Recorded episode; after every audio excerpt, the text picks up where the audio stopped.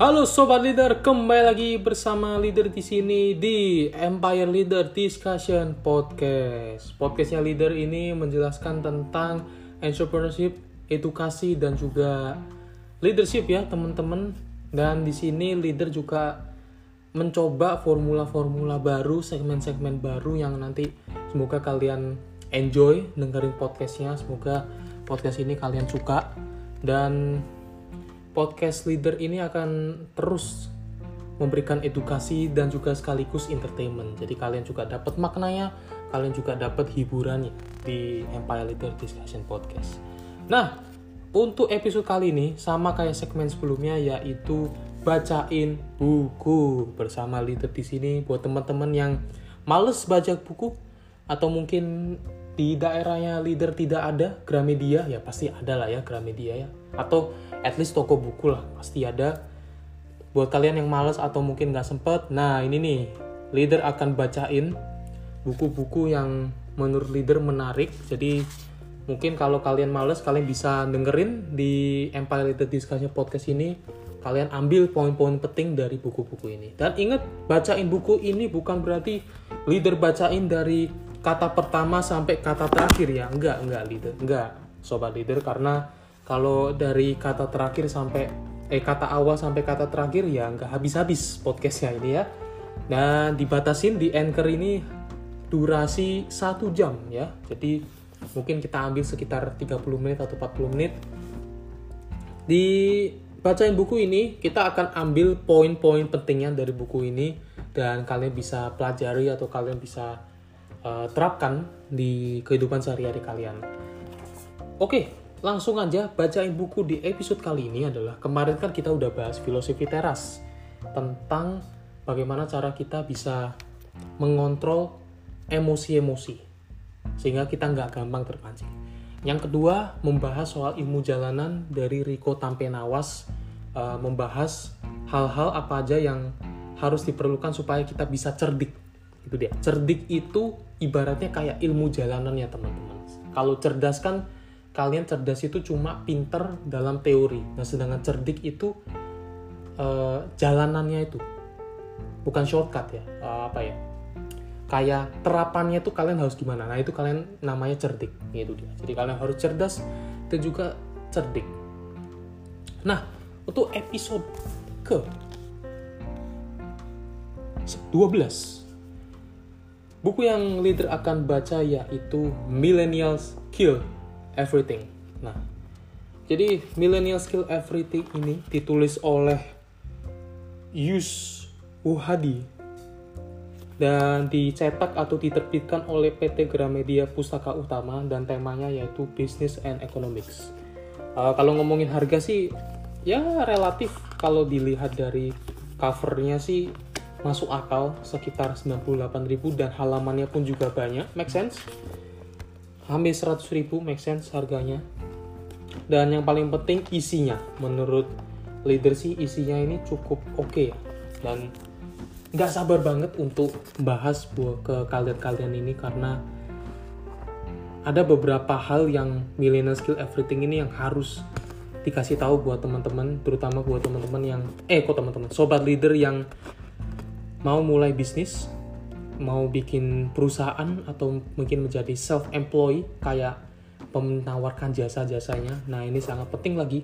Buku-buku ini akan menjelaskan produk-produk apa aja yang buat masa depan mungkin masa depan tuh 10 sampai 20 tahun lagi ke depan akan tidak tidak akan dipakai lagi atau bahkan menghilang atau bahkan sudah produknya itu udah bener udah hilang. Bu sebenarnya sih nggak hilang ya tapi sudah itu tadi sudah nggak kepake lagi nah ini dia jadi kalian harus tahu mungkin di 10 sampai 20 tahun akan mendatang terdapat produk-produk baru atau bisnis bisnis model bisnis bisnis baru yang kalian harus pelajari. Nah, sebelum kita masuk ke model-model bisnisnya, leader akan jelaskan di buku ini produk-produk apa aja yang sudah tidak akan tidak akan kepake lagi 10 sampai 20 tahun mendatang. Uh, produknya ini bukan berarti produk-produk kayak barang-barang juga objek, tapi budaya uh, kebiasaannya itu juga akan berubah di 10 sampai 20 tahun. Jadi leader anggap kebiasaan dan budaya itu ya leader anggap itu as a product aja sih ya. Oke.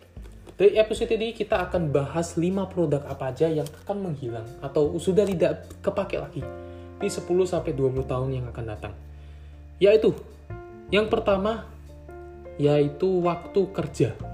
Nah, di abad 19 dan di abad 20 itu kebanyakan kantor-kantor atau perusahaan-perusahaan tuh menerapkan kerjanya itu dari jam 9 sampai jam 5 sekitar 8 jam dan itu kan bikin capek ya teman-teman dan kebanyakan millennials itu tidak suka dengan jam kerja seperti itu kenapa? Karena jam kerja itu pertama bisa habisin waktu yang kedua sebenarnya millennials tuh merasa kayak dari jam 9 sampai jam 5 kayak merasa kayak buang-buang waktu. Kenapa buang-buang waktu? Karena belum tentu di kantor itu akan mengerjakan tugas-tugas yang berat gitu. Siapa tuh dari jam 9 sampai jam 5 cuma nganggur atau mungkin cuma rebahan-rebahan. Ya kita nggak pernah tahu ya teman-teman.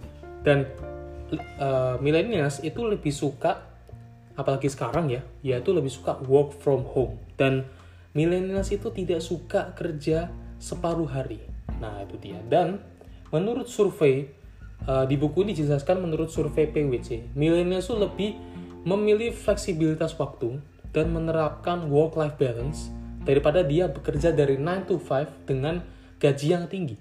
Jadi mungkin dia juga memikirkan nggak hanya duit tapi juga mikirin kitanya nyaman atau enggak. Nah itu dia kenapa millennials itu lebih suka mementingkan atau memprioritaskan flexibility uh, time flexibility.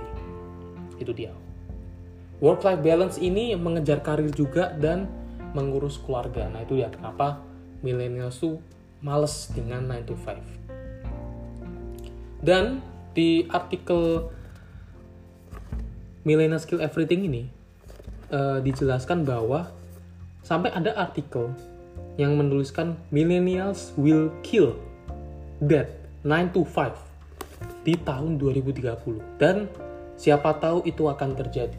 Dan menurut leader sih pendapat leader bisa jadi terjadi. Kenapa? Karena kita tarik tarik waktu aja. Sekarang kebanyakan work from home dengan adanya corona. Dan menurut leader sih ya lebih efektif ya dengan work from home. Kenapa? Karena satu tidak tidak membiayai uh, apa ya? Biayanya pasti jauh lebih murah. Yang kedua nggak usah lagi pakai biaya transport. Dan sebenarnya kalau dari sisi perusahaan pun harusnya bisa diuntungkan dengan tidak adanya kerja 9 to 5. Kenapa? Karena kalau misalnya perusahaan itu mungkin kerjanya work from home, kan bisa membiayai ongkos-ongkos yang mahal. Seperti contoh kalau di buku ini dijelaskan, bentar. Nah, siapa tahu di buku ini dijelaskan bahwa bisa jadi kalau misalnya perusahaan menerapkan WFH itu bahkan uh, overhead cost yang bisa dipangkas terutama biaya sewa operasional dan perawatan kantor yang sangat mahal terutama di pusat kota nah itu dia. Jadi menurut leader ini buat mungkin buat pengusaha sekarang harus dipikirkan soal uh, jam kerja ini. Dan di buku ini juga dijelaskan uh, pembelajaran marketing. Nah ini ya pembelajaran marketingnya juga leader coba kasih tahu ke kalian bahwa kalau untuk masalah waktu kerjanya di sini dijelaskan marketing lesson learn-nya. Aturan-aturan perusahaan harus direview secara total dengan mengakomodasikan tren perilaku milenial ke arah WFH.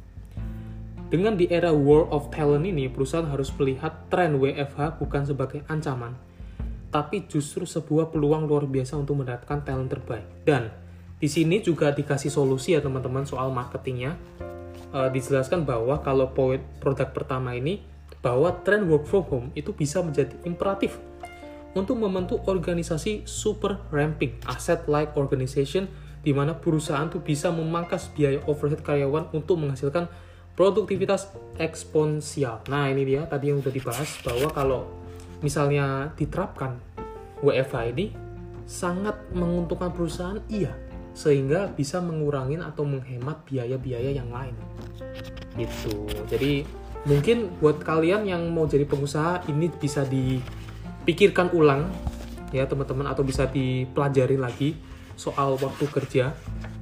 Jadi kalian coba mungkin saran leader adalah mungkin kalian coba kasih jadwal waktu yang atau schedule yang benar-benar bisa fleksibel buat karyawan-karyawan kalian gitu. Buat tim kalian juga. Itu dia. Poin pertama kita masuk ke poin kedua yaitu tempat kerja. Nah mungkin kalau tempat kerja kan banyak kantor-kantor tuh uh, tempatnya kan bosen ya sekat-sekat gitu doang. Terus uh, ibarat tuh kayak perusahaannya tuh kantornya tuh bisnis apa ya bisnis place gitu loh. Bukan tempat-tempat yang fun. Mungkin kayak mall atau taman atau mungkin co-working space. Jadi bikin milenial tuh bosen. Dan milenial ini kan banyak gaya ya. Banyak gaya. Maksudnya banyak uh, ide-ide yang brilian punya banyak gaya yang bisa uh, membentuk personal brandnya dia. Itu dia. Makanya kalau misalnya dari tempat kerjanya aja tidak difasilitasi untuk membentuk personal brandnya dia gimana dia bisa menampilkan personal brandnya dia gimana dia bisa menampilkan karakternya dia. Kalau misalnya tempat kerjanya itu membosankan eh, sekat-sekat kayak gitu dan bikin ngantuk. Nah itu dia dan sekarang milenial tuh lebih suka kerjanya tuh nggak cuma di kantor teman-teman. Tapi kayak bisa kerjanya tuh kayak mungkin nggak cuma kerja tapi juga liburan kayak ke Bali. Uh, di Bali tuh misalnya kayak di Ubud atau mungkin di Thailand atau mungkin di Singapura. Terus kan orang kan heran ya lah kok enak mereka kok uh, liburan? Emang mereka nggak kerja? Mereka ya sekalian liburan ya sekalian kerja gitu loh dan kerjanya mereka kan misal digital nomad ya atau pokoknya di bidang digital marketing kan mereka nggak harus kerja di kantor gitu loh. Mereka bisa kerja di rumah mereka bisa kerja di mana saja. Sampai di daerah Bali terutama di Ubud itu uh, ada seseorang founder yang membuka yang namanya co-working space di Ubud. Kalau kalian pernah ke sana uh, namanya itu sebentar. Namanya adalah uh, Hubud Hubud Hub in Ubud. Nah itu dia. Jadi buat kalian yang pingin kerja produktif dan pingin mendapatkan inspirasi-inspirasi baru mungkin kalian bisa kerja. Atau mungkin ya kerja di luar negeri atau mungkin kerja di luar kota sekalian liburan. Biasanya di setiap kota itu leader yakin ada kayak co-working space-nya kayak gitu. Dan terutama terutama di Bali itu di Ubud ada yang namanya Habud. Nah itu dia. Kalian bisa kunjungi sana sekalian kerja sekalian have fun sekalian bisa dapat inspirasi-inspirasi yang lain. Nah itu dia. Dan apalagi sekarang itu sudah ada digital tools ya teman-teman atau sekarang itu sudah apa ya sudah tidak pakai lagi file-file yang konvensional. Sekarang sudah pakai tools uh, digital tools buat nyimpen file kayak itu Google Document atau mungkin Google Form untuk ngisi formulir. Sekarang sudah lewat itu jadi tidak perlu lagi lewat uh, alat-alat untuk mengisi form atau file-file yang terlalu konvensional. Itu yang kenapa millennials tuh males kalau ke kantor ke tempat kerja yang bosen. Dan mungkin sekarang trennya itu millennials tuh lebih suka kerjanya tuh kayak di coworking space di Starbucks atau mungkin di cafe atau kayak di uh, tempat ngopi artis-artisan itu kebanyakan millennials lebih suka di sana karena satu tempatnya itu bagus ibarat tuh kayak bisa dibilang instagramable sehingga kalian bisa jadi cap uh, dapat inspirasi di sana. Dan tempatnya kreatif gitu sehingga kita terbawa adrenalinnya untuk kreatif juga gitu. Nah itu yang sangat penting ya. Jadi ambience meskipun ambience itu benda mati tapi itu sangat penting buat mengubah suasana atau bisa membentuk suasana supaya orang-orang ini yang bekerja itu bisa lebih kreatif lagi dan mereka pun bisa jadi uh, mendapatkan inspirasi dari situ, dari ambience-nya. Nah, itu dia. Kalau dari marketing lesson learn-nya yang dijelaskan di sini, bahwa milenial itu melihat tempat kerja tak hanya melalui untuk bekerja, tapi juga untuk bermain. Dan memaknai kehidupan untuk dan untuk menarik dan meretansi milenial tempat kerja itu harus itu tadi friendly, homey, playful, merangsang imajinasi dan kreativitas dan mendorong komunikasi terbuka dan kolaborasi. Dan sarannya adalah ingatlah basic premise ini adalah kerja produktif itu tidak mesti di kantor, di mana pun bisa. Nah, dari marketing lesson learn ini kan tadi leader sudah jelaskan bahwa emang dari tempatnya sendiri atau ambience tempatnya sendiri itu sangat pengaruh sekali untuk uh, membuat suasana orang-orang di situ bisa bekerja lebih enak, lebih nyaman. Nah, itu mungkin yang harus dipikirkan oleh pengusaha-pengusaha atau mungkin kalian sendiri yang mau mikir, punya mau rencana mau punya kantor, boleh beli kantor tapi kelihatannya tempatnya atau ambience-nya harus lebih ke milenial dalam arti lebih fun, lebih tempatnya lebih kreatif supaya uh, tempat-tempatnya itu bisa membantu karyawan-karyawan kalian bisa lebih produktif lagi. Nah, itu dia. Mungkin ditambahi kayak biliar atau mungkin ditambahi kayak tempat tempat-tempat karaoke gitu untuk mendengar musik dan mungkin banyak yang heran ya lah ini mereka ini kayak dikasih tempat entertainment gini mereka apa nggak fokus kerja? Mereka apa nggak males? Lah justru dengan adanya gitu milenial tuh seneng gitu loh. Jadi sekalian dia kerja sekalian dia juga ingin merasakan funnya juga gitu refreshing refreshingnya juga gitu. Dan milenial ini kan salah satu keunggulannya kan bisa multitasking. Jadi sekalian main HP sekalian kerja sekalian makan nonton TV nah itu kan bisa. Jadi sangat penting sekali untuk ditambahkan benda benda-benda atau mungkin mainan-mainan yang bisa membantu produktivitas uh, tim kalian atau karyawan kalian. Nah, itu dia untuk lesson yang kedua, produk yang kedua yaitu tempat kerja. Nah, yang ketiga ini bisa dibilang budaya. Nah, itu dia. Tadi kan leader udah bilang bahwa budaya ini leader akan masukkan ke produk.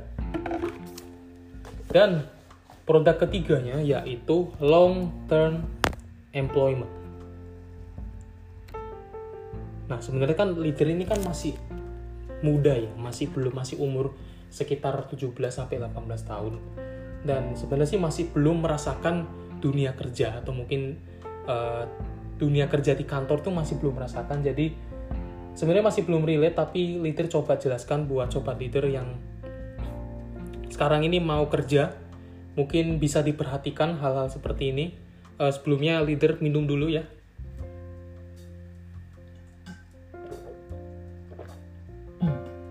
Oke. Okay. Tadi long term employment. Nah, long term employment ini maksudnya uh, masa lama seorang karyawan itu bekerja di suatu kantor. Nah, di era milenial ini yaitu tahun sekitar 90-an sampai sekitar 97, 96 atau 97 uh, eh, HRD terutama perusahaan yang ada HRD-nya tuh harus pandai-pandai dalam menseleksi atau merekrut orang-orang ter terutama milenial. Kenapa? Karena justru di era milenial ini semakin susah untuk merekrut milenial. Kenapa? Karena milenial ini termasuk orang sebagai job hooper. Maksudnya job hooper ini apa? Jadi job hooper itu uh, didefinisikan di Millennial Skill Everything ini bukunya bahwa Job Hooper itu adalah di mana generasi milenial itu cuma betah bekerja selama 1 sampai 2 tahun. Jadi mungkin beda dengan generasi X atau mungkin generasi boomers yaitu uh, generasi yang di mana nenek moyang kita mereka lebih menghargai mungkin perusahaan atau mengikuti perusahaan lebih lama sekitar 4 sampai 5 tahun. Tapi di millennials ini uh, menurut survei juga membuktikan bahwa banyak sekali millennials itu hanya betah kontrak paling lama mungkin 1 sampai 2 tahun dan di survei itu juga membuktikan uh, rekor bahwa selama 12 bulan itu millennials kebanyakan mungkin 3 sampai 4 kali untuk pindah-pindah tempat. Nah, ini dia. Sebentar. Oh, ini. Studi dari Gallup menemukan sebanyak 21% milenial berpindah tempat kerja dalam kurung waktu kurang dari satu tahun. Jumlah ini tiga kali lebih lipat. Oh sorry, jumlah ini tiga kali lipat lebih besar dibandingkan generasi sebelumnya. Nah itu dia. Jadi banyak banget milenial yang berpindah tempat kerja. Uh, Sebenarnya kalau leader sih sekarang generasi Z ya, bukan millennials sebenarnya nggak tahu ya apakah ini benar atau enggak tapi kalau dari bukunya harusnya fakta ya tapi ini mengwujud sangat-sangat buat leader itu kaget ya karena ya nggak nyangka gitu ternyata mereka pun juga nggak betah nah uh, di long term employment yang dibahas di sini kenapa kok milenial itu dinamakan job hopper generasi yang eh, nggak uh, betah selama 1 sampai dua tahun kerja di satu tempat karena milenial ini tahulah sekarang kan dengan gencar-gencarnya uh, hiduplah sesuai passion, hiduplah sesuai dengan kesukaan kalian gitu. Betapa bahagianya kalian kalau uh, hobi yang kalian jalankan tuh dibayar, betapa bahagianya kalian. Ya bener sih itu. Itu ada benernya juga gitu.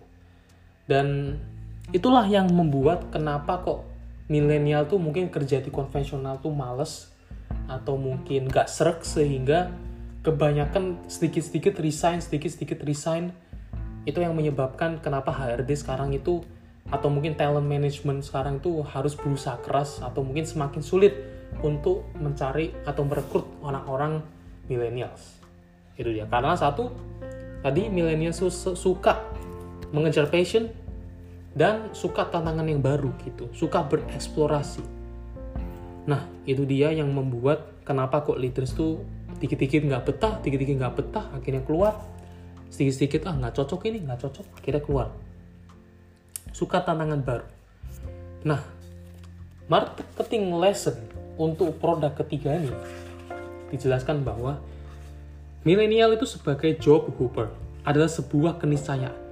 Anda tak bisa melawannya. Yang bisa Anda lakukan adalah mengelolanya sebaik mungkin dengan memahami perilaku dan preferensi mereka di tempat kerja.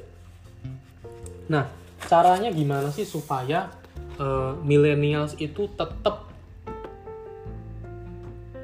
percaya atau mungkin tetap lama bekerja di perusahaan kalian atau mungkin kalian mau bikin perusahaan sendiri caranya adalah ciptakan suasana kerja yang positif dan menantang selain itu yang menurut leader yang penting adalah berikan peluang sebesar mungkin untuk berkembang. Coach mereka agar menemukan makna melalui kontribusi yang diberikan. Jadi kesimpulannya bahwa berikan kesempatan buat milenial ini untuk tampil, untuk berkarya di perusahaan kalian, atau mungkin kasih jabatan, atau uh, berikan mereka ruang sebesar-besarnya untuk memberikan ide kalian supaya uh, milenial sini merasa bahwa oh gua ini uh, aku ini diperhatikan nih di perusahaan ini. Wah ideku kepake itu mungkin sebagai satu hal yang bikin mereka bahagia gitu bahwa wih ternyata aku kepake di sini. Nah itu dia. Mungkin dari perusahaan sendiri leader pesan berikan mereka ruang sebesar-besarnya untuk tampil tanda kutip positif untuk selalu memberikan ide-ide yang bagus supaya perusahaan kalian bisa berkembang lebih baik. Nah, itu dia buat perusahaan buat pengusaha yang punya sekarang yang dengerin podcast ini atau mungkin buat kalian yang masih umur-umur sama kayak leader yang pingin punya pengusaha eh punya perusahaan uh, mungkin hal itu juga harus dipelajari ya teman-teman ya sobat leader nah yang keempat yaitu produk yang keempat adalah pakaian kerja. Nah itu dia. Biasanya kalau di kantor-kantor pakaian kerjanya itu kan formal ya. Dasi jas uh, kemeja putih celana panjang sepatu pantufel. Nah itu yang membuat kenapa millennials itu bisa jadi males untuk kerja di kantor. Karena terlalu formal terlalu membosankan sehingga dia tidak bisa mengeluarkan ekspresinya dia sehingga dia tidak bisa mungkin membentuk personal brand. Uh, ada hubungannya juga ini sama tempat kerja gitu. Jadi mungkin pesan leader kasih mereka uh, ruang untuk membentuk personal brandnya dia supaya karakter dia di tempat kerja itu muncul. Nah mungkin salah satunya lewat pakaian kerja. Justru di buku Millennial Skill Everything ini dijelaskan bahwa kalau karyawan-karyawan itu uh, memakai baju-baju yang beda atau aneh, justru sangat gampang sekali untuk menarik perhatian dari koleganya. Nah, itu dia yang mungkin penting. Dan kenapa kok millennials ini pakaian kerjanya tuh casual? Enggak yang formal banget kayak pakai jas. Karena mereka punya trendsetter, punya inspirasinya itu dari entrepreneur yang di Silicon Valley di Amerika kayak Steve Jobs atau mungkin kayak Mark Zuckerberg yang uh, mereka pakainya itu kan sangat-sangat casual ya. Contohnya kayak Steve Jobs dia pakai sweater turtleneck hitam celana jeans sneakers New Balance. Terus Mark Zuckerberg juga pakai t-shirt abu-abu simple pakai jeans dan sneakers. Simple casual dan itu yang bikin milenial nyaman untuk kerja. Daripada mereka pakai jas yang terlalu berat. Nah itu dia. Dan dengan mereka menggunakan pakaian kerja tersebut yang sangat casual itu bikin uh, mereka itu bisa apa ya bisa berekspresi kayak tadi aku bilang. Dan kembali lagi marketing lesson learn ya untuk produk keempat ini yaitu setiap organisasi baik bisnis, social enterprise, bahkan pemerintah harus mulai memosisikan diri sebagai organisasi yang millennial friendly dengan menerapkan kebijakan berpakaian yang kian go casual. Mungkin ini sebagai kembali lagi pengusaha atau mungkin kalian mengusaha uh, kalian coba perhatikan hal-hal produk-produk seperti ini supaya kalau kalian ingin rekrut karyawan lebih gampang itu dia lebih gampang dalam arti uh, mereka percaya ya sama perusahaan kita bukan berarti gampang mereka nakal atau mungkin mereka lakuin hal yang jelek dan semakin lama eh, kantor-kantor itu juga menerapkan dari sebelumnya itu outfitnya itu bisnis bisnis outfit lama-lama mereka akan mengarah ke bisnis casual outfit dan pada akhirnya sekarang-sekarang ini kebanyakan perusahaan-perusahaan selain startup kayak bank, korporat itu sudah menerapkan casual outfit. Nah, itu dia. Jadi mungkin sangat uh, penting ya soal ini, soal budaya kerjanya ini supaya mereka itu betah dan tidak membosankan lagi. Karena kembali lagi zaman semakin lama semakin cepat berubahnya dan kebutuhan orang dan kemauan orang itu juga semakin cepat. Jadi buat pengusaha dan buat kalian yang mau jadi pengusaha juga harus memperhatikan hal-hal semacam ini kalau kalian ingin ngerekut orang itu dia dan ada satu pertanyaan yang penting di Millennial Kids Everything ini yaitu kenapa kehadiran generasi milenial memunculkan tren going casual dalam cara berpakaian di kantor. Di sini dijelaskan bahwa pergeseran outfit kantor tak lepas dari perubahan-perubahan yang terjadi di tempat kantor seiring masuknya generasi milenial dan maraknya ekonomi digital yang menyertainya. Waktu kerja pun juga bergeser. Jenis tipe pekerjaan berubah, semakin knowledge base dan digital base. Begitupun interaksi di tempat kerja yang kini lebih banyak dilakukan melalui digital, kayak email, WhatsApp, voice call, atau video call dibandingkan interaksi fisik. Terus kerja pun juga semakin mobile, makanya kebanyakan milenial tuh suka kerja di coffee shop, cafe, dan spot-spot mall itu semakin banyak sekali karyawan dikunjungin oleh karyawan milenial. Nah itu dia. Mungkin hubungannya sama pakaian kerja ini sama kayak long term employment, tempat kerja dan juga waktu kerja. Itu dia. Mungkin dari empat produk itu ada hubungannya. Jadi kalau kalian pingin uh, punya perusahaan yang millennial friendly dari jam kerja pun juga harus fleksibel jangan terlalu patokan 9 to 5 terus tempat kerjanya pun didesain dengan ambience yang kreatif yang bikin uh, karyawan itu punya karakter untuk bisa kreatif gitu supaya bisa mendapatkan ide-ide yang baru. Terus bisa dipelajari soal long term employment bagaimana perusahaan tuh bisa mempertahankan karyawan-karyawannya itu uh, bertahan dengan lama. Tidak hanya mengasih kontrak 4 sampai 5 tahun tapi yang paling penting di sini adalah kasih mereka ruang untuk memberikan ide supaya perusahaan kalian bisa lebih baik lagi. Karena nggak tahu ya mungkin karena uh, milenial ini merasa kalau di kantor-kantor konvensional itu tidak terlalu diperhatikan milenial ibaratnya kayak anak bawang atau bisa dibilang rugi. Itu kenapa kok milenials itu uh, nggak betah banget kerja di perusahaan-perusahaan kayak gitu. Dan mungkin itu tadi uh, saran leader adalah kasih mereka ruang kasih kesempatan buat mereka untuk tampil untuk memberikan ide. Siapa tahu ide itu bisa membantu perusahaan ke arah yang lebih baik. Mungkin profitnya lebih gede mungkin produknya lebih dikenal atau mungkin perusahaannya menjadi perusahaan yang top. Nah kita nggak tahu.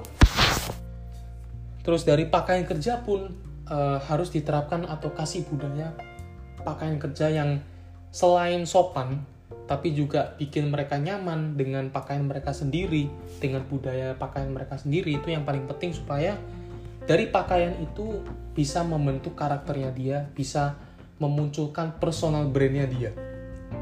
Itu yang paling penting dari hubungan empat produk tadi.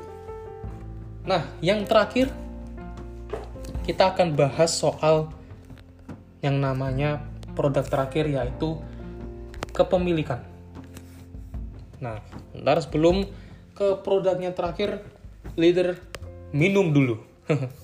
karena minum itu penting supaya nggak dehidrasi.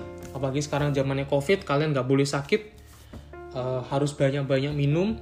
Karena kalau kalian nggak banyak minum dehidrasi gampang sakitnya kena covid pun juga gampang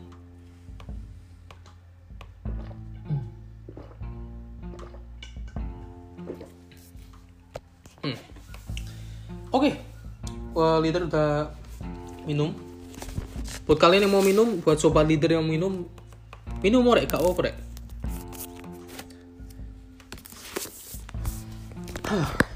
gimana? Setengah jam ini kalian dapat apa aja? Kalau kalian mungkin misalnya suka dengan uh, podcast Empire Leader mungkin kalian kasih saran ke depannya ini uh, mau kayak apa kalian Empire Leadernya supaya kita bisa terus berkembang di DM Instagram empireleader.co huruf kecil semua.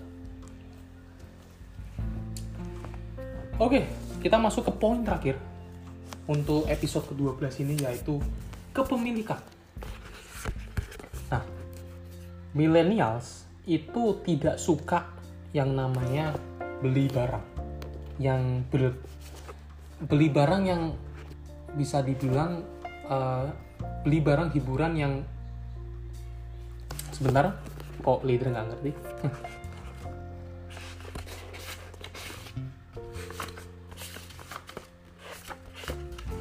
Kita baca di sini bahwa oh sorry milenial itu lebih suka yang namanya akses daripada kepemilikan.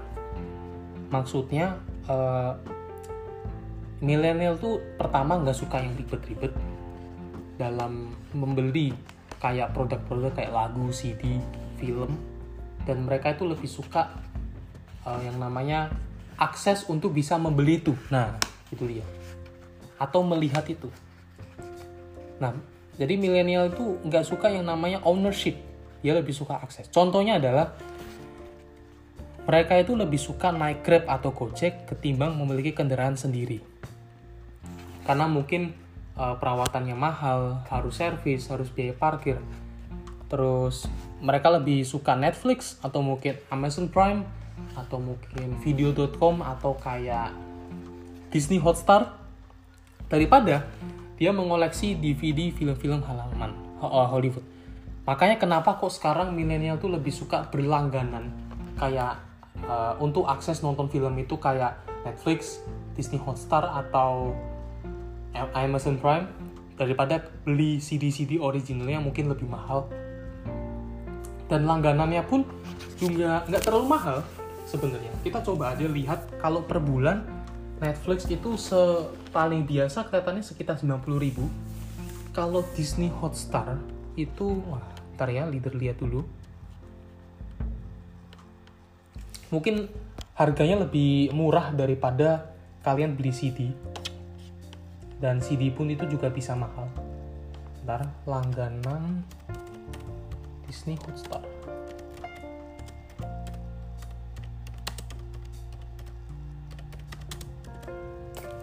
Langganan his Disney Hotstar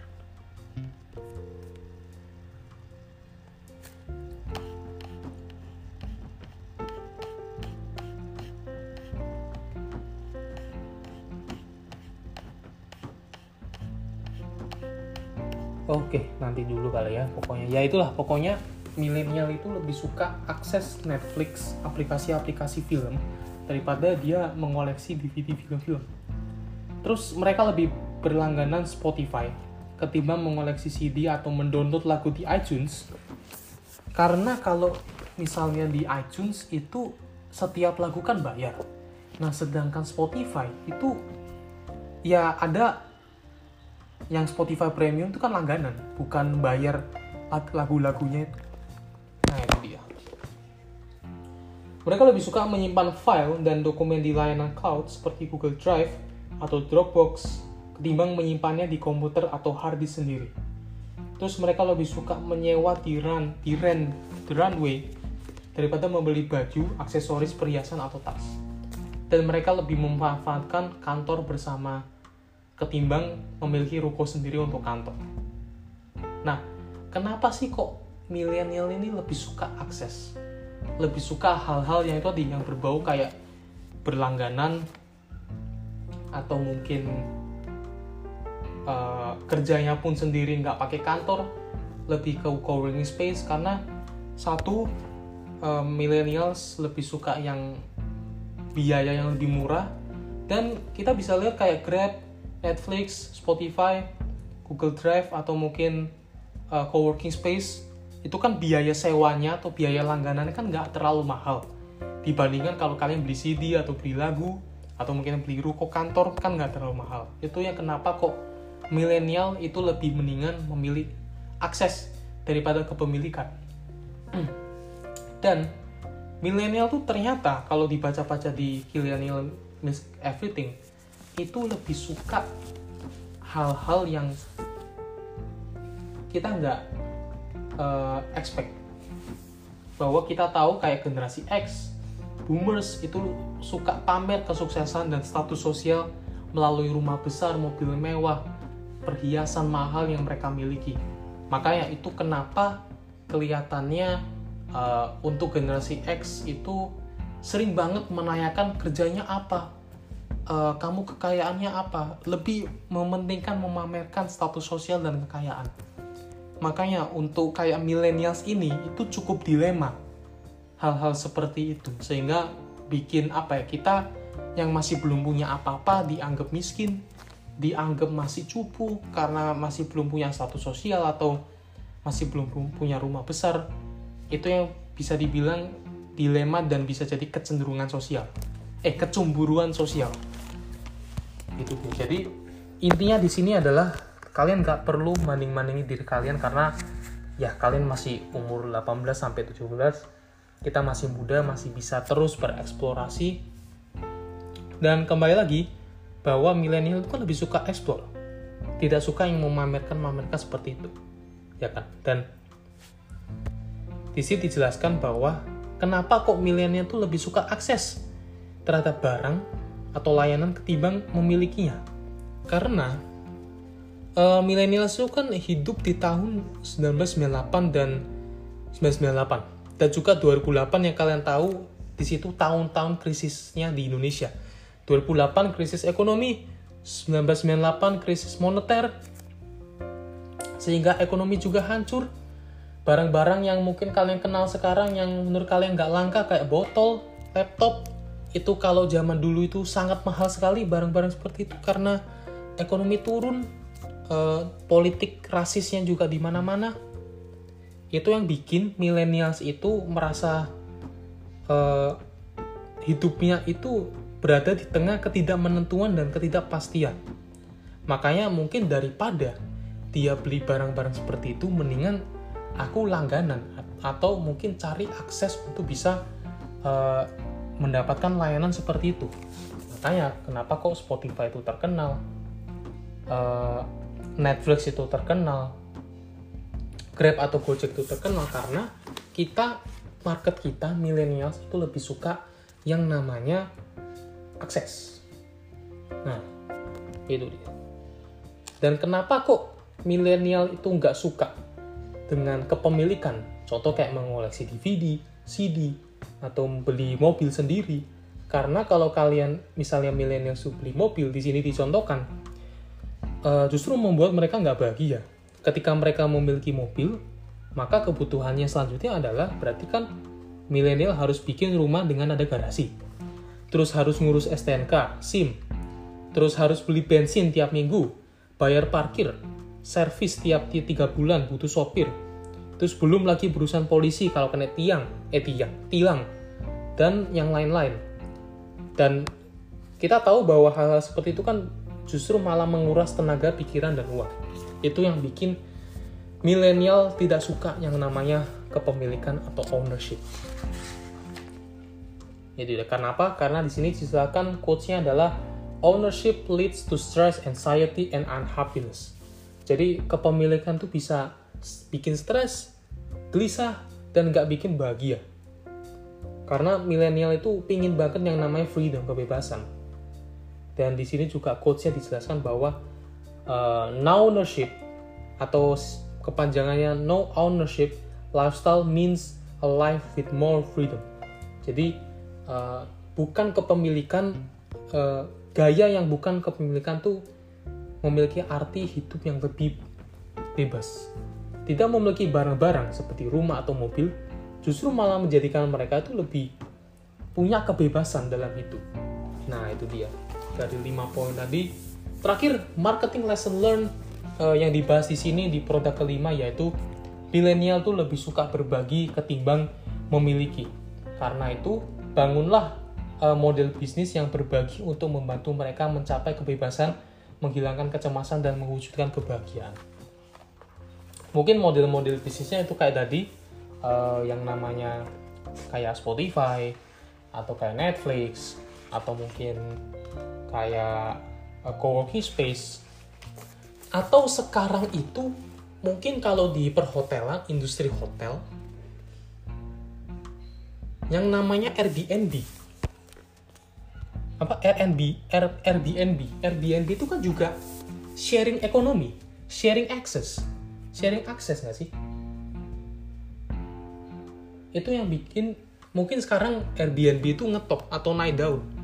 Karena satu uh, Airbnb itu kan sama gitu sharing tempat tinggal. Ya kan? Menyewa tempat tinggal. Jadi misalnya kalian punya rumah atau kalian punya apartemen sendiri. Kalian bisa kok desain apartemen kalian bagus dan kalian sewa di apartemen. Kalian bisa bantu teman-teman yang mungkin butuh tempat tinggal untuk ke sana dan biaya pun juga nggak terlalu mahal. Nah itu dia, kenapa kok Airbnb mungkin lebih naik daun daripada industri hotel-hotel seperti biasanya. Itu dia dan masuk akal milenial lebih suka eh, sharing-sharing uh, ya daripada dia memiliki uh, itu dia teman-teman dari 5 produk tadi mana yang menurut kalian merasa wah bener nih uh, ini yang hilang atau kalian merasa nggak expect dari 5 produk itu ada salah satu yang hilang? Nah itu dia. Mungkin kalian bisa sharing-sharing kalian bisa berdiskusi nanti di kalian bisa uh, tag story-nya di Instagram atau mungkin kalian bisa DM ke leader untuk diskusi lebih lanjut. Mungkin nanti leader coba bikin create zoom eh create room di Instagram. Jadi sementara itu tadi 5 produk yang uh, kemungkinan akan hilang ke depannya di 10 sampai 20 tahun ke depan. Uh, ini semua leader catat semua leader yang bahas ini berdasarkan dari millennials kills everything. Jadi nggak ada yang melenceng, semua itu berdasarkan buku ini kalau kalian merasa wah ini nggak bener nih kalian bisa langsung DM ke Instagramnya leader empireLeader.co kita bisa bahas, kita bisa diskusi bersama-sama. Uh, mungkin segitu dulu untuk episode kali ini. Besok 5 produk lagi yang akan leader bahas dari Millennial Skills Everything ini. Kalian kalau mau beli bisa langsung di Gramedia atau mungkin di toko buku yang lain atau di Tokopedia juga bisa atau di aplikasi. Uh, buku ini sangat penting buat kalian yang sekarang lagi berada di tahap untuk mengejar atau mungkin mencari karir sebenarnya aku itu apa. Nah, Millennial Kiss Everything ini siapa tahu bisa menjadi uh, menjadi petunjuk buat kalian bahwa produk-produk apa aja sih yang ke depannya itu akan sudah nggak nggak kepake lagi. Dan buat kalian yang pengen jadi pengusaha, ini uh, satu buku yang mungkin harus kalian perlu. Siapa tahu kalau kalian pengen membuka usaha, siapa tahu produknya itu nggak kepake lagi buat tahun-tahun yang mendatang. Dan bisa jadi dengan buku ini menjadi kesempatan baru buat model-model bisnis yang baru buat ke depannya.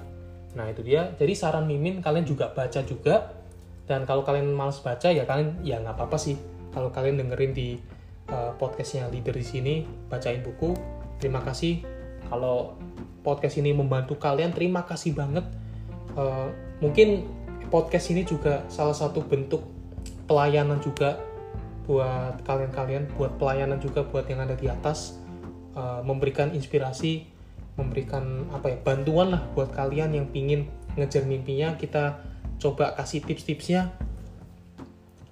Ya semoga Empire Leader ini terus semakin besar semakin bikin banyak orang atau bikin banyak masyarakat terbantu sangat bermanfaat uh, podcast kali ini.